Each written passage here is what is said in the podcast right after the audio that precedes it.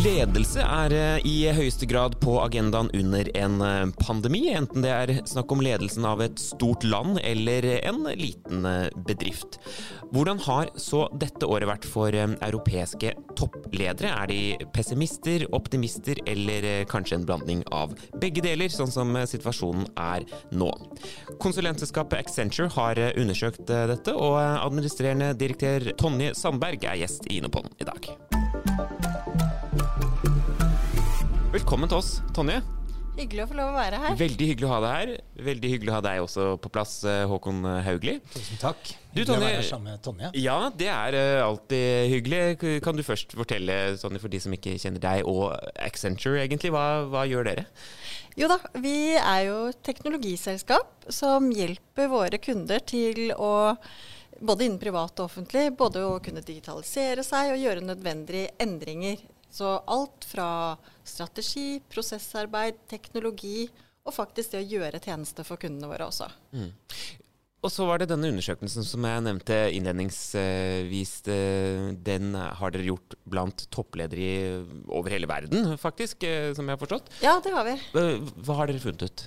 Nei, vi har jo spurt da nå under covid hvordan det er for bedriftene i de forskjellige delene av verden. Og blant de europeiske bedriftene så er det 49% som sier at de har fallende omsetninger. Så vi er jo på en måte fremdeles inne i en alvorlig situasjon. Uh, og en tredjedel sier at de er ganske bekymret for lønnsomheten sin uh, i den perioden vi fremdeles er inne i. Uh, når det gjelder de bransjene, så er det jo veldig store skiller.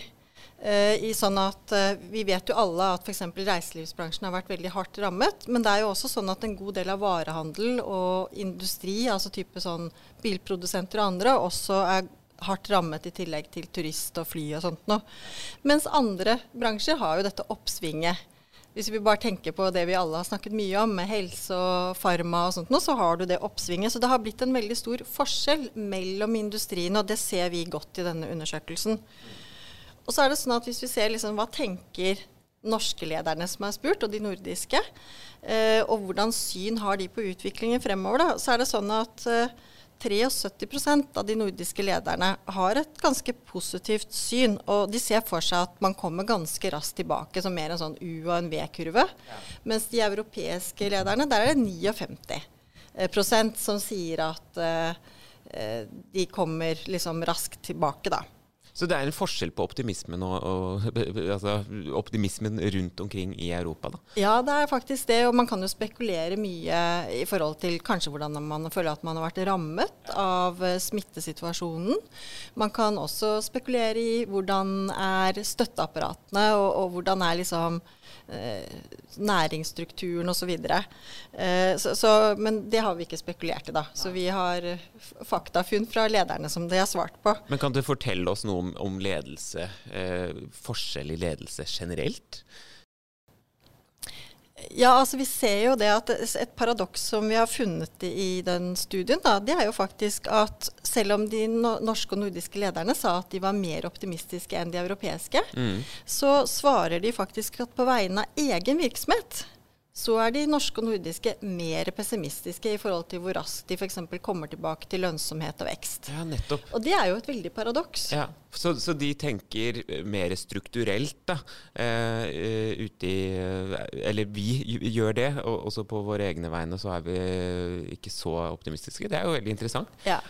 Så ser vi jo at det er også litt forskjell i funnene i forhold til hva er eh, egentlig det som på en måte eh, gjør at de tør å satse. Hvor mye satser man på den nye teknologien i de forskjellige geografiene.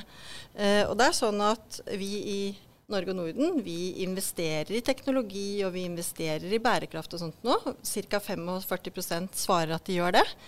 Men vi ligger allikevel mye lavere enn andre deler av eh, verden. Så sånn som I vår analyse så svarer 21% av de nordiske lederne at de på en måte eh, satser veldig kraftig på det, mens prosenten er høyere i de andre landene. Ja, nettopp. Det er jo veldig fokus på ledelse, egentlig, som jeg nevnte litt innledningsvis, i pandemien. Eh, hvordan har eh, det dere har funnet ut, på en måte, eh, hvordan sier det noe om ledelse i de ulike kulturene som dere har undersøkt, og kanskje også muligheten til å lykkes for disse selskapene som, som lederne leder? ja, vi, vi, ser at vi har sett litt på hvilke hovedutfordringer har de forskjellige regionene egentlig sagt. Da. Og det som Norge og Norden skiller seg veldig tydelig ut på, som en mye større bekymring da, enn en del av de andre geografiene har, er særlig to funn jeg har lyst til å trekke fram da. Det ene er det med hvordan markedet og kundevanene har endret seg, og hvilken liksom, takt det krever i forhold til eh, å svare opp på kundebehovene. Så der skiller de nordiske og norske bedriftene seg på å være mer bekymret. Står høyere opp som en kjerneutfordring. Det andre funnet eh, retter seg rett og slett rundt digital kompetanse i Norge. Eh, hvor vi ser at man har, en, har, det som en hovedutfordring at man mangler eh, på en måte den erfaringen og kompetansen på det digitale i stor nok grad. Og det ser vi i de norske funnene og de nordiske funnene. Mens det er ikke på topp blant de fem utfordringene i noen av de andre geografiene. Nei. Håkon, dette er veldig interessante funn, og ikke minst spennende å ha dette, denne undersøkelsen når man skal se videre framover. Hvordan korresponderer dette med det vi har uh, sett på? Veldig bra. Nå ser jo vi bare på Norge, og det som er ja. interessant med Accentures undersøkelse, er jo at den setter de funnene da inn i en større kontekst og sammenligne Norden og Norge med andre, andre land. Eh, det vi gjorde da i begynnelsen av pandemien, var å igangsette et forskningsarbeid. Vi var veldig tidlig ute med å ha det vi kan kalle følgeforskning. egentlig.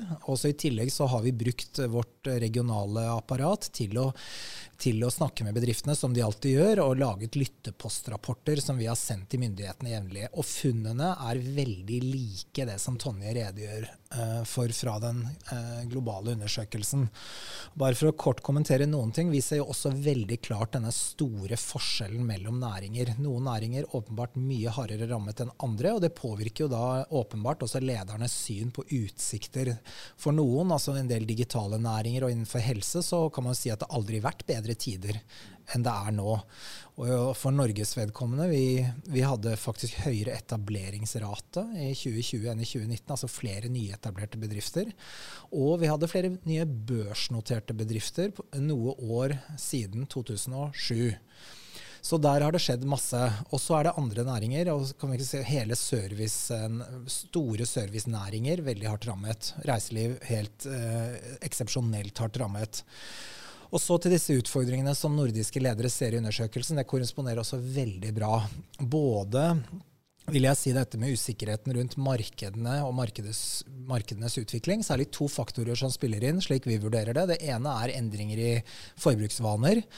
Men det andre, da, som for et eksporterende land Norge, som Norge, så betyr en nedbremsing av økonomien ute veldig mye så betyr ikke altså at vi alene kommer ut av denne krisen på beina, er ikke nok for at eksporterende bedrifter skal lykkes. De er også avhengig av at markedene ute fungerer. Sånn sett blir jo pessimismen og utsiktene ute i seg selv en usikkerhetsfaktor for norske bedrifter.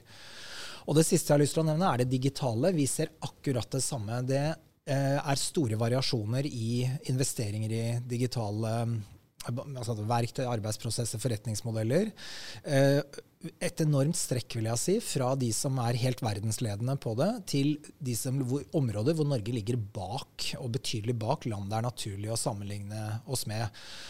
Og tilgang på kompetanse nevnes også av ledere vi er i kontakt med, som en hovedutfordring. Det å finne relevant kompetanse i Norge er krevende. Mm. Tonje, altså jeg vet ikke om dere har undersøkt dette konkret, men, men øh, hva tenker du rundt dette med eh, lederkultur? Hvor viktig det har vært å, å, til å få selskaper eh, gjennom denne krisen? Og forskjellene mellom lederkulturer i forskjellige land? Altså, jeg har lyst til å gi en replikk tilbake ja. til det Håkon sier, som er synes jeg, et viktig funn. Da, og det er jo at uh, man I undersøkelsen så har man på en måte sett på to kategorier av selskaper. De som man kaller fallende engler. Så de som på en måte vil slite veldig basert på pandemien. Og, og der er det sånn at 22% av de nordiske norske bedriftene er klassifisert der. Uh, og så er det sånn at morgendagens ledere, da hvem er de, liksom?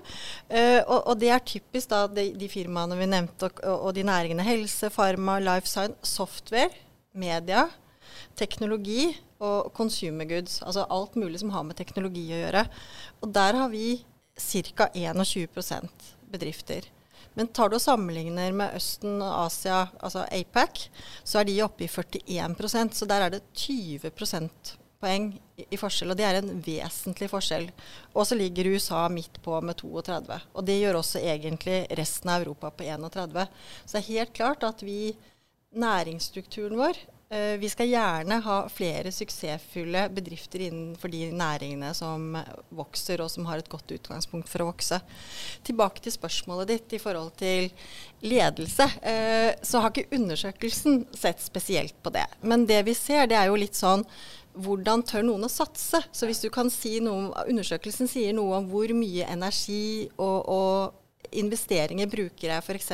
på å investere i innovasjon, i teknologi, så ser vi forskjeller. Uh, og vi vet jo at de bedriftene som har lykkes best nå i forbindelse med pandemien, har klart å snu seg med raske skift i markedet ved bruk av teknologi. Så, så, og der er det helt klart at uh, Europa er ikke den regionen som er eh, høyest på å investere verken i teknologi eller innovasjon eller bærekraft. Og det er heller ikke Norden. Tror du da, Håkon, at eh, denne pandemien har eh, satt et tydeligere fokus på lederutvikling, faktisk? Eller hva, hva er dine tanker om det?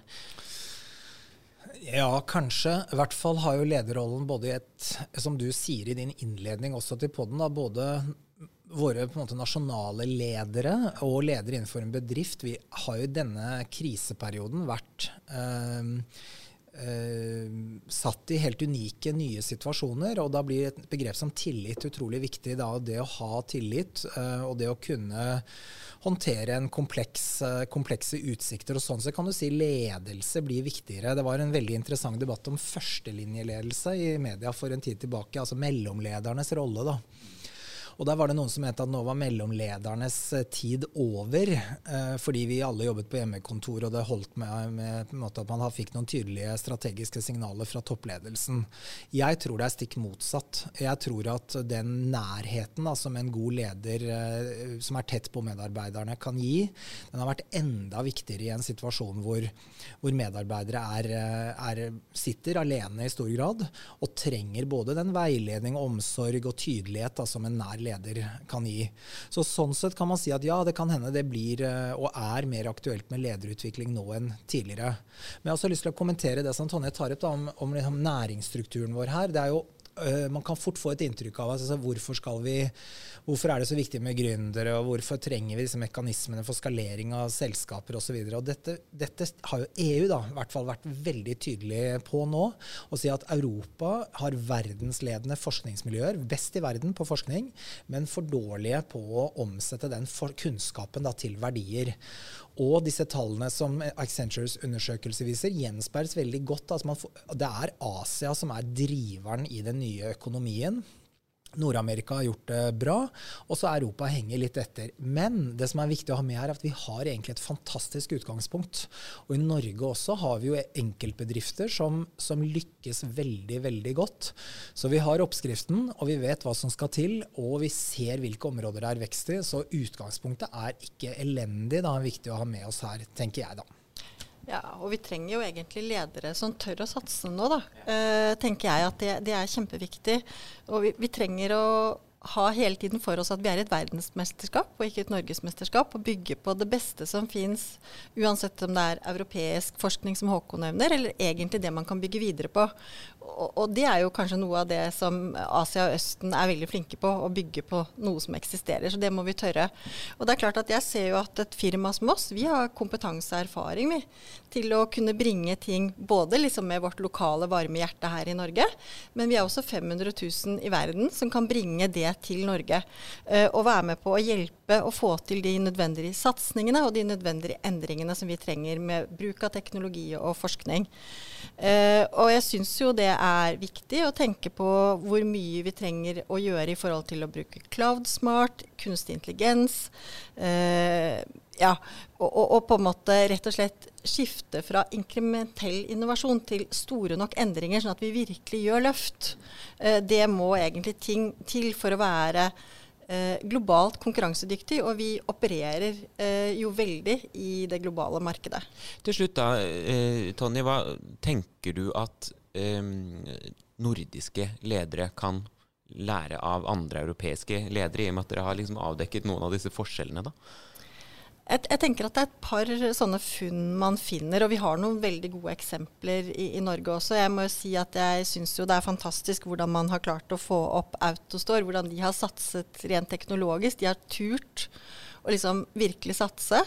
Eh, og de har fått eh, nå uh, gigantfondet Softbank til og med på siden. Jeg vet Innovasjons Norge også har vært der. Og de er jo på en måte verdsatt til over 65 milliarder kroner. Så vi har jo på en måte suksesshistorier. og de har på en måte turt å bruke teknologi. De har turt å løse eh, logistikk- og lagerproblematikk på en veldig smart måte, som også skal, skape, uh, skal hjelpe til med miljøet. Og jeg syns også sånn som Hydro, som da går ut og sier at nå skal vi bruke hydrogen mot støperiene våre, som både hjelper miljøet, men også hjelper produksjonen. Og det er typisk noe som vi også da kan ta videre i forhold til å kunne hjelpe til å få produsert smart. Jeg tror vi har mye å hente rundt produksjonsindustrien vår, faktisk. Eh, og kanskje også kunne gjøre mer av det, fordi vi har bedre eh, fotavtrykk enn det andre har. Eh, så jeg tenker at det er det å tørre å satse er noe å lære. Det å sette god retning. Og så er det jo helt sånn at det er ikke lett heller. For det at alle bedriftslederne står i et utrolig dilemma. De skal håndtere dagens satsing og det de tjener penger på i dag. Og så skal de hele tiden legge til rette for fremtiden. Så det er klart at sånn som, Tar du eksempler sånn som Equinor, da, som er store konsern hos oss, så pumper de olje og gass ennå. Men de satser også veldig på å få til energitransformasjon og det grønne skiftet. Og så har vi et utrolig sterkt eksempel med Østed i Danmark, som i 2009 virkelig liksom satset på å stå for det grønne skiftet. Og da hadde de 85 av produksjonen sin eh, fra kull og gass og olje, liksom. I dag er 75% av det de leverer eh, fra fornybar eh, grønne kilder med vind. Så det er mulig, og vi ser at vi får det til både i Norge og i Norden. Så jeg tenker la oss tørre å satse. Eh, la oss eh, bruke en kombinasjon av innovasjon, bærekraft og teknologi. Da kan vi virkelig vinne. Veldig hyggelig at uh, du ville komme hit til Innopoden. Og så blir det spennende å se om det kommer nye undersøkelser som viser endring om noen år. Tusen takk skal du ha, Tonje.